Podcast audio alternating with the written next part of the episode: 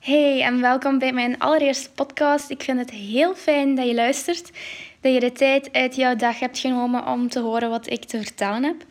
Ik wou dus heel graag beginnen met podcasten om twee redenen. Ten eerste omdat ik zelf heel graag luister naar podcasts van andere mensen. Ehm, vooral om de tijd te doden bij van die leeghoofdige taakjes. Bijvoorbeeld terwijl ik mijn haar aan het stijlen ben of terwijl ik uh, huishoudelijke taken doe. Dat is voor mij in principe verloren tijd. Tijd dat er anders mijn verstand op nul staat. En die ik door podcasts te luisteren wel kan vullen met nuttige inzichten en inspiratie en motivatie voor mezelf. Um, ten tweede, omdat ik merk dat mensen tegenwoordig heel veel nood hebben aan een motiverende mindset en een groeimindset.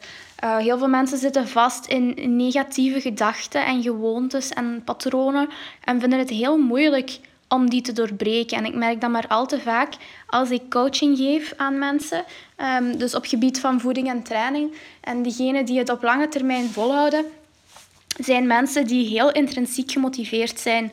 Dus die heel goed weten waarom ze iets doen, heel duidelijk weten wat ze willen bereiken en daar dan ook voor gaan en blijven gaan, ook als het moeilijk wordt, ook als er obstakels op hun weg komen.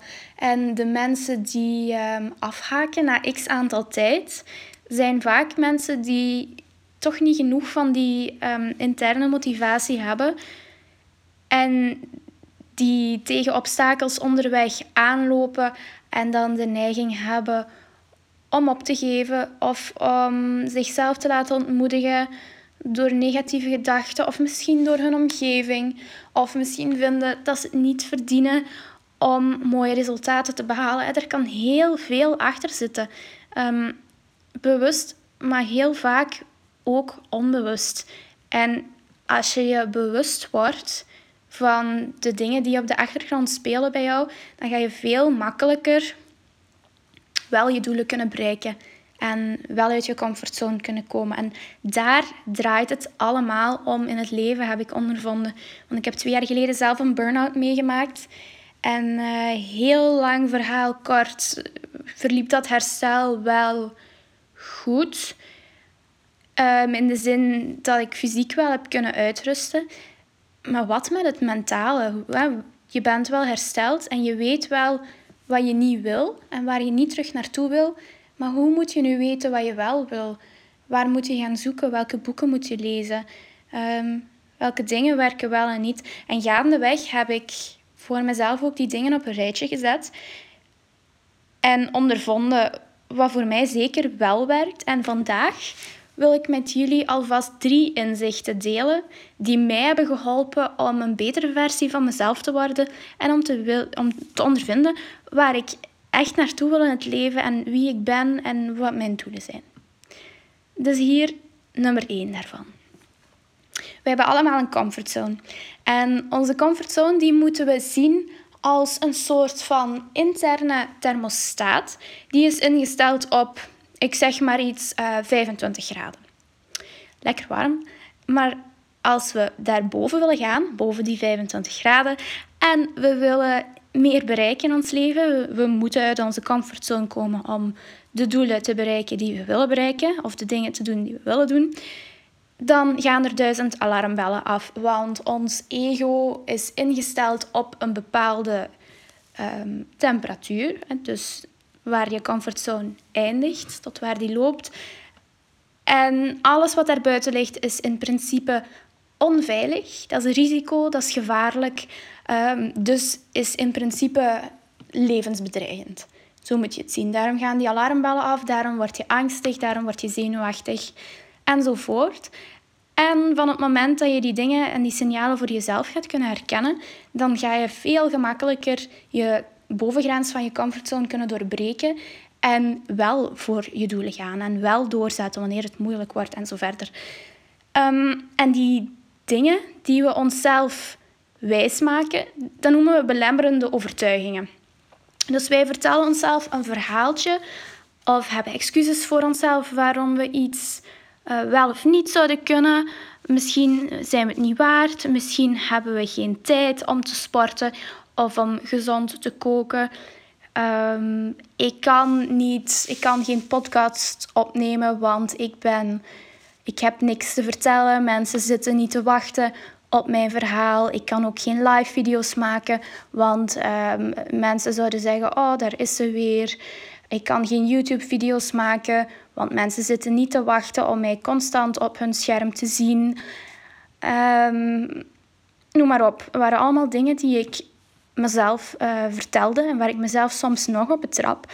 Maar het leuke is wel, als je al herkent dat het er is en waarom het er is, is het al veel gemakkelijker om het te doorbreken, om er wel iets mee te doen en dat je het niet blijft negeren. Um, het goede nieuws is dat je belemmerende overtuigingen ook kan vervangen door stimulerende overtuigingen. En dat zijn dingen die je dan tegen je zegt als... Um, ja, ik um, organiseer mij wel om mijn maaltijden voor te bereiden. Ik, ik uh, maak er een prioriteit van. Ik zorg dat het gedaan is. Ik, want ik wil dat om die reden, hè, om een heel duidelijke intrinsieke motivatie.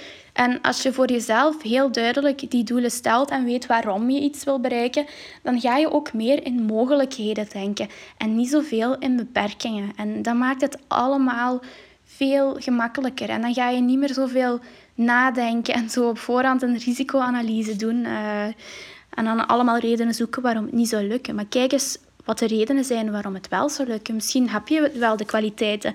Misschien heb je wel de skills. En misschien wil je dat bereiken om die en die en die reden. Ja, doe het dan gewoon. Dat brengt mij bij punt 2, sluit er wel een beetje bij aan. En dat is dat wij heel veel dingen wel of niet doen uit angst. Uh, denk aan faalangst en mensen geven op voorhand al een bepaald idee of doel verloren, want um, ik, ik ga toch mislukken, dus ik moet het niet eens proberen. Uh, wat veel mensen ook niet weten, is dat wij ook heel veel dingen kunnen doen uit de angst om te slagen. Dus niet alleen faalangst, maar ook een soort van slaagangst. En dat is een angst voor succes. Klinkt heel raar, angst voor succes. Um, maar natuurlijk brengt succes een bepaald engagement en verantwoordelijkheid met zich mee. Want stel dat ik daar goed in ben en um, ik zeg maar iets, YouTube-video's maken, dan moet ik wel elke week zorgen dat er een video online komt. Want ik wil mensen, ik wil anderen niet teleurstellen en ik wil mezelf ook niet teleurstellen. Dus dat brengt wel een bepaalde uh, verwachting met zich mee. Dus denk er maar eens over na bij jezelf. Waar zit je met faalangst en waar zit je met slaagangst? Um, derde ding waarmee dat je angst kan hebben, is het beeld dat anderen van jou hebben. Um, en newsflash, je gaat nooit iedereen tevreden kunnen stellen, dus je kan het beter gewoon doen zoals jij het wilt doen en je niks aantrekken van andere mensen. Um, dat heb ik de afgelopen tijd heel hard geleerd. Uh, dat er toch altijd mensen gaan zijn die iets niet goed vinden op de manier waarop je het doet. En weet dat mensen, als ze kritiek of commentaar hebben, dat ze altijd reageren vanuit hun eigen angst en onzekerheid en hun eigen pijn. Uh, en van het moment dat je dat kan zien en kan begrijpen, dan is het veel makkelijker om dat niet persoonlijk te nemen en om wel gewoon jouw ding te doen. Dus kijk maar eens hoe dat uh, zit in jouw eigen omgeving. Um, dus angst kan zorgen voor, voor een, een heel... Angst is een heel verlammend iets, zou ik zeggen. Dus kan zorgen voor um, eh, perfectionisme of uitstelgedrag of kritiek op jezelf of kritiek op anderen, zelfsabotage. Als je lang uh, goed bezig bent met sporten, ga je ineens hervallen in oude gewoontes. Dat zijn allemaal dingen die gebeuren om, om niet uit je comfortzone te moeten komen. Dat zijn dingen die ik bij mezelf allemaal heb ondervonden. En dus nogmaals, als je ze al kan herkennen, is al zoveel waard want als het dan gebeurt, dan kan je zeggen, ah ja, ja dat is het weer. Ehm, ik moet weer uit mijn comfortzone komen en ik krijg weer, um, ik krijg weer hoofdpijn of ik begin weer te zweten. Ah kijk, dat is een signaal dat ik eigenlijk moet verder zetten en ik hoef het niet te zien als een obstakel. Dus op die manier kan je daarmee omgaan. Um, dus naast onze comfortzone en angst is er ook nog een derde inzicht dat ik graag met jou wil delen om de beste versie van jezelf te worden. En dat is dat je je brein kan herprogrammeren om positiever te denken. Um, en ons brein is zoiets complex. Um, En ons onderbewustzijn is zoiets complex. Um, er gaan heel veel dingen in ons hoofd om. Je gaat vast wel eens ooit mee met zo'n negatieve gedachtenstroom. En je maakt het voor jezelf erger en erger in je hoofd.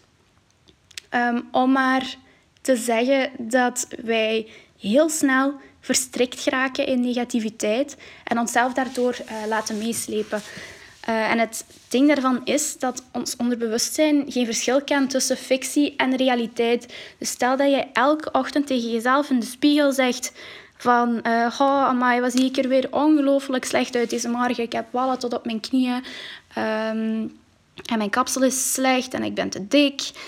En dit en dat dan ga je je gaandeweg ook slechter voelen en ga je echt wel alleen maar negatieve dingen rondom jou zien die die gedachten bij jezelf bevestigen. Een collega bekijkt je scheef, ah ja, want die, die ziet dat ik verdikt ben. Ik zeg maar iets, uh, maar je moet er echt wel mee oppassen welke gedachten dat je aan jezelf gaat voeren.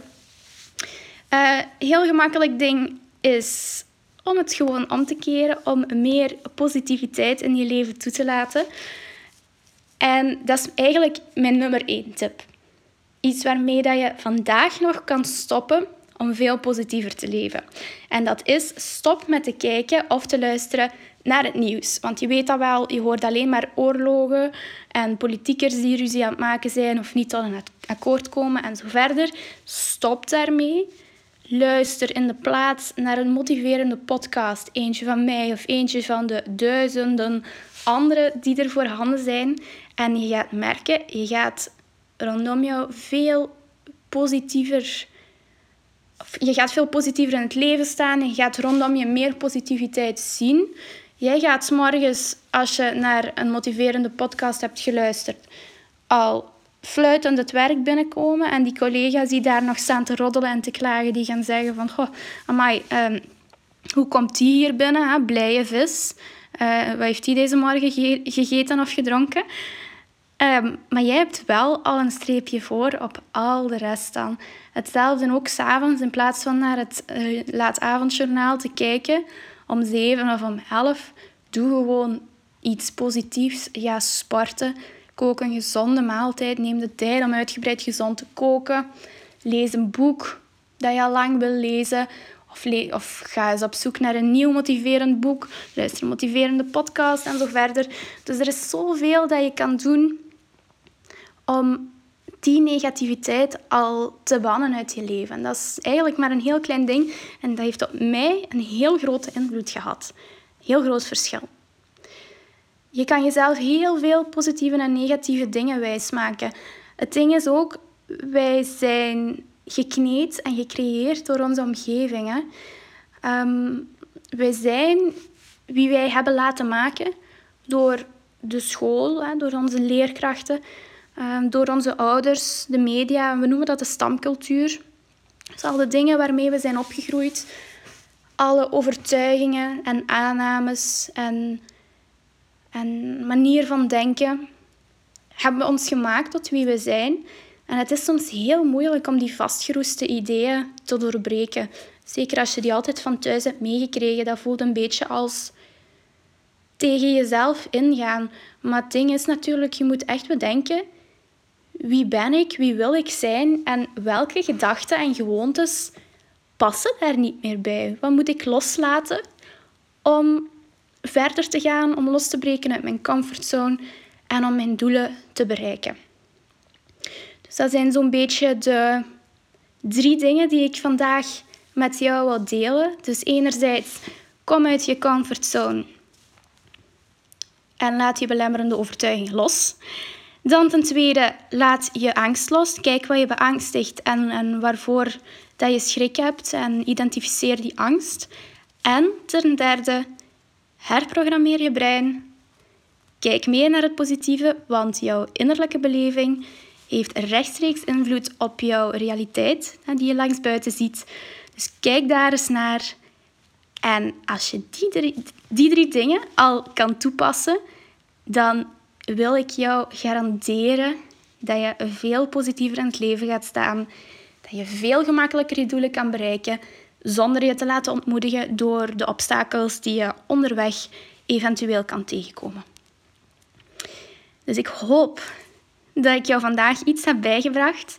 Laat mij vooral weten wat je daarvan vond en welke onderwerpen ik nog meer mag bespreken tijdens mijn podcasts, want ik wil dat wel heel regelmatig gaan doen voor jullie. En dan wil ik jou nog een heel fijne dag wensen en graag tot de volgende keer. Dag!